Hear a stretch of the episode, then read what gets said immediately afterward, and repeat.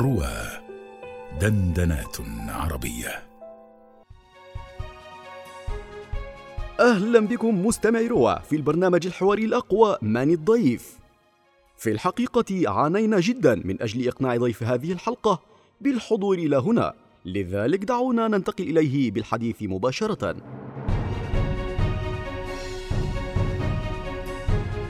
ضيفي الكريم في البداية نشكرك على تواجدك معنا اليوم وكما هو معروف عن البرنامج فأنت ستعطينا نبذة قصيرة عن حياتك من أجل التيسير على المستمعين في معرفتك دون ذكر الاسم طبعا.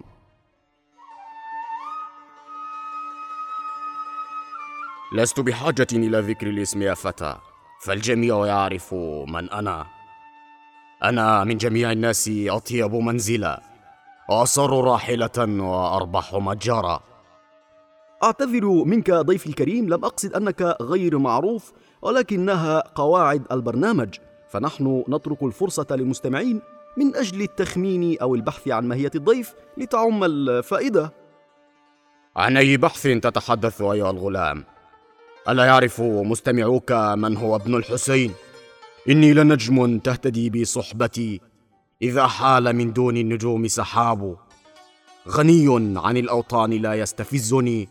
إلى بلد سافرت عنه إياب. بالطبع سيدي أنت غني عن التعريف لكن رجاء دعنا ندخل في صميم الحلقة. البعض يتهمونك بالنرجسية الشديدة. فماذا تقول لمن يعيب فيك فكرة علو الأنا؟ ها يا للعجب. منذ متى أصبح الفخر بالذات عيبا؟ دعني أستعير بعض الأبيات من قصيدة عتاب أرسلتها إلى سيف الدولة لأرد بها على الباحثين عن العيوب فينا. أقول لهم كم تطلبون لنا عيبا فيعجزكم؟ ويكره الله ما تأتون والكرم. ما بعد العيب والنقصان عن شرفي؟ أنا الثريا وذاني الشيب والهرم. حسنا ضيفي الكريم وعلى ذكر سيف الدولة يقول البعض إن الحاسدين قد زرعوا الفرقة بينكما هل هذا حقيقي؟ لا أود الحديث في هذا الشأن لكن دعني أذكر سيف الدولة بهذه الأبيات التي كتبتها ذات يوم في مدحه فقد كنت أمدحه قائلا ما لي أكتم حبا قد برى جسدي وتدعي حب سيف الدولة الأمم؟ إن كان يجمعنا حب لغرته فليت أنا بقدر الحب نقتسم. قد زرته وسيوف الهند مغمدة وقد نظرت إليه والسيوف دم.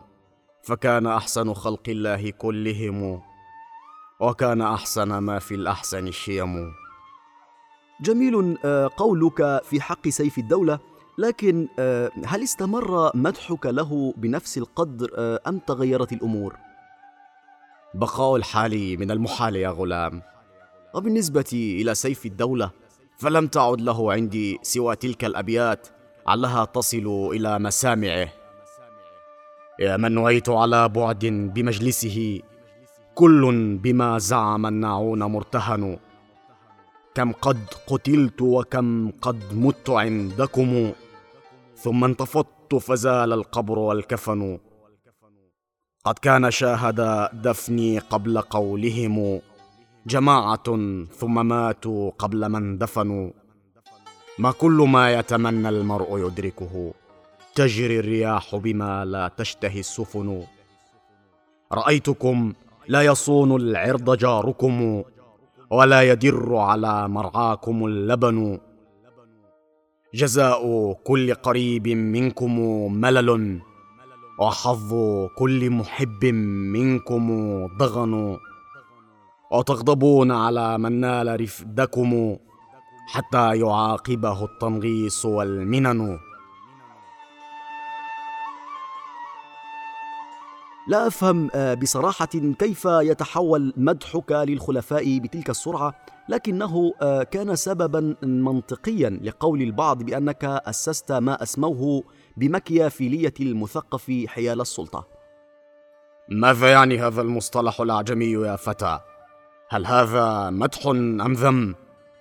في الحقيقة آه، هو ليس مدحا أو ذما. المكيافيلية آه، تعني النفعية أو بمعنى أدق فإن الغاية تبرر الوسيلة عند أنصار هذا المذهب.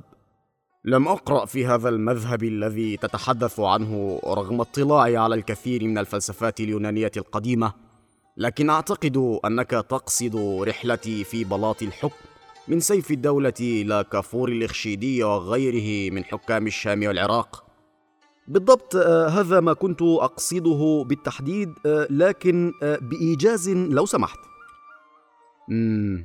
طيب دعني أقول لك إن كل هذا كان لأنني أشعر دائما بالعطش للمجد والحياة بشكل عام. أعتقد أن كل بني الإنسان لديهم نفس الغاية من الحياة. سمها نفعية أو وصولية أو ما تشاء.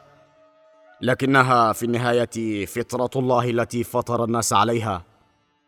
عظيم آه، جدا ضيفي الكريم. نشكرك على وجودك معنا ونشكر مستمعي رواه أيضا في من الضيف وإلى لقاء جديد بإذن الله.